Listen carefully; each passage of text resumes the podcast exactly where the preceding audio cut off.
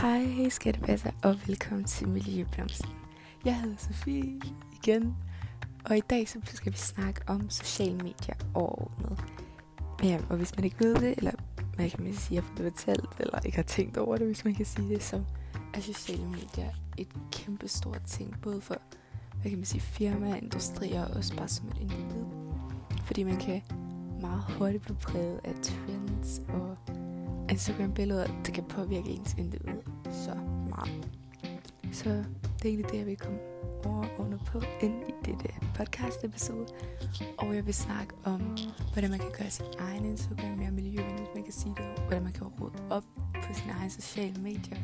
Altså både det, man følger, og ja, egentlig det hele, hvis man kan sige det. Så jeg vil egentlig starte hurtigt med at fortælle om ja, power på sociale medier. Hvilket er hvis man ikke har tænkt over det, der er jo rigtig mange både reklamer på sociale medier, og især Instagrams nye feed. Det er virkelig dumt men hver gang du spoler tre billeder ned, så er der en reklame. Og de reklamer er jo ikke altid, der er miljøvenlige eller bæredygtige. Det kan være for fast fashion eller trends, der går hurtigt over, og man så ikke bruger, og så ligger det bare for en egenskab, hvis man kan sige det. Og det kan også bare være, at Kylie Jenner lægger et billede op i hendes røv, og det påvirker ens mentale helbred og sådan noget. Og man bare står og tænker, oh my god, nu har jeg ikke en røv. så overordnet, så har sociale medier jo en kæmpe power lige meget, om man bare sidder med et busstopsted og venter i 5 minutter, eller på DSB station og venter i 40 år. Hvilket vi nok alle sammen har prøvet, fordi det fucking stinker. man kan kun elske DSB eller noget. Men ja, så håber jeg i hvert fald, at I har den her podcast, som vi kan høre, grine til sådan så vi alle sammen ved, at vi i hvert fald ikke er alene i den her på, eller jord, hvis man kan sige det. Ja. Verden, jordkloden hedder det. Øhm, jeg vil hurtigt, jeg kan sige, komme over tre ting, man kan gøre med sin egen sociale medier, både grupper og hvordan man kan interagere sig selv mere miljøvenligt, øhm, hvordan man kan gøre sin egen profiler på sociale medier, øh, sociale medier mere miljøvenlige, og hvordan man kan gøre sådan, at ens feed kan blive ændret til mere miljøvenlige alternativer, eller ens fiber bliver ændret totalt. Øhm, så jeg vil først forklare hurtigt, hvad det, hvad, det var, hvad det var, jeg mente med øh, sociale grupper, fordi jeg tror ikke rigtigt, man ved, eller tænker, eller reflekterer over alle de grupper, der findes på sociale medier, hvor man egentlig har sådan fælles normer og værdier, og det gælder egentlig om at finde dem.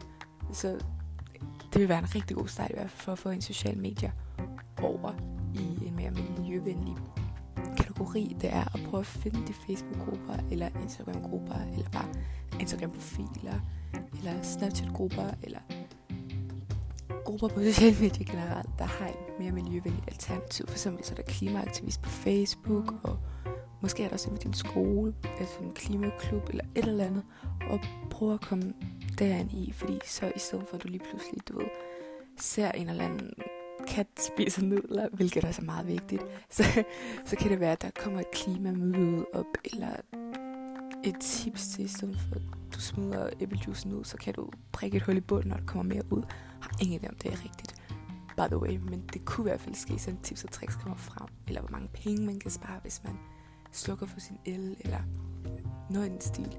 Og på den måde så, et, du kommer til at møde andre personer, der har de sådan samme normer og værdier som dig, og To, du kommer til at få en masse gode tips og tricks, også nogle nye venner måske.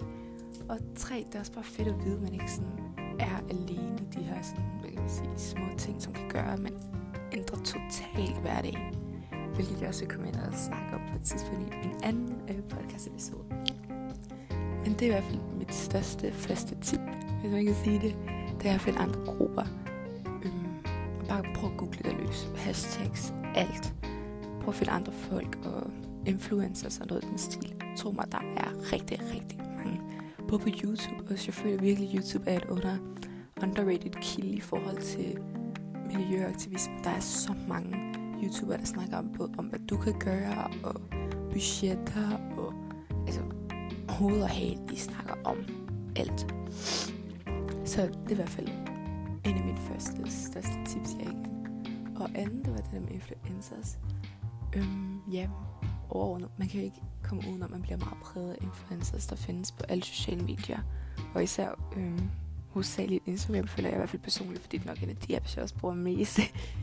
øhm, med der, altså hvor de influencers, de fremhæver trends, og jeg ved egentlig ikke, hvad de ikke gør. Nye piller, og som gør, du taber dig. Alt det der. Og usunde ting og vaner, du skal gøre og sådan noget. Så en af de, eller min anden tips, det er, at prøve at unfolde dem, hvis det er, du har et eller forhold med dem eller et eller andet, så selvfølgelig følg dem, men også følg nogle andre, som på en måde skaber en balance i din influencer. Så hvis du for eksempel har en, hvis man kan sige dig, dårlig, i parentes, så har du måske tre gode, fordi igen, et dårligt billede, hvis man kan sige det, hvor der, er en, der så maven ind og alt muligt, det kan jo sådan, et dårligt billede kan man huske mere end tre gode, hvis det giver mening. Så for at det dårlige, kan man sige, bliver balanceret ud, så er det vigtigt, at man også har en masse gode, man kan se op til. Så det er i hvert fald mit andet tips, det er rod ud dine influencers, eller følger, eller hvem du følger og sådan noget.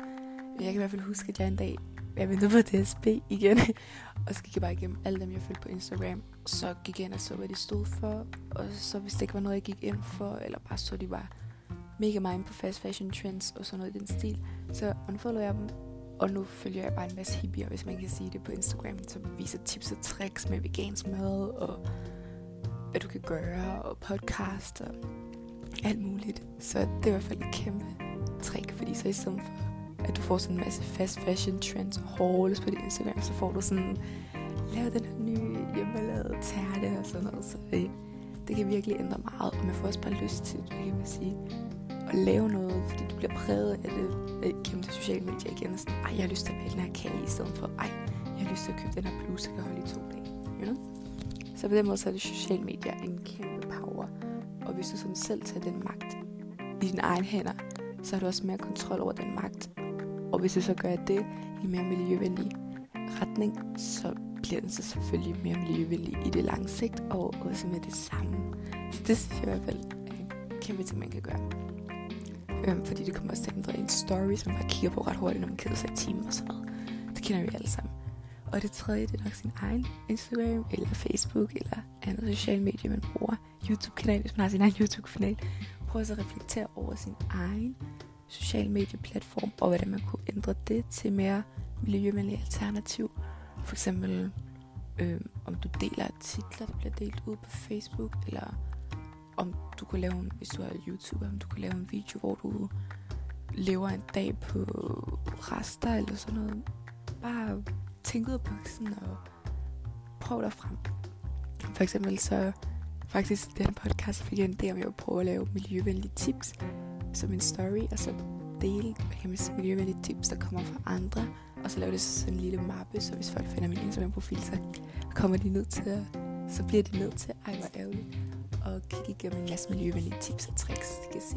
Så på den måde, så kan folk ikke blive snydt udenom miljøvenlig aktivisme.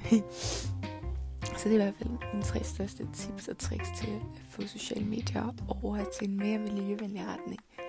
Så ja, også bare reflektere over de sociale medier, fordi det er jo en kæmpe magt, hvis man kan sige det. Og hvis magten er i dine hænder, så kommer det bare til at ændre både din hverdag så meget, og også de ting, du får ind i hjernen.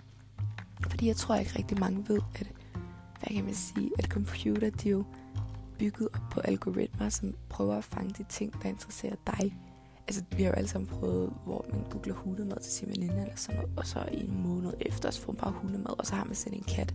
Man kan jo ikke bruge det. Men på grund af, at det kommer ind i ens algoritme og søgehistorik, så er det det, der kommer op igen, fordi så regner, hvad kan man sige, computer algoritme med, at du kommer ind igen og forhåbentlig kommer til at købe noget, et nyt legetøj eller noget den stil. Så hvis du finder ud af dine algoritmer, og hvordan du kan præge det til en mere miljøvenlig retning, så kunne det være fantastisk.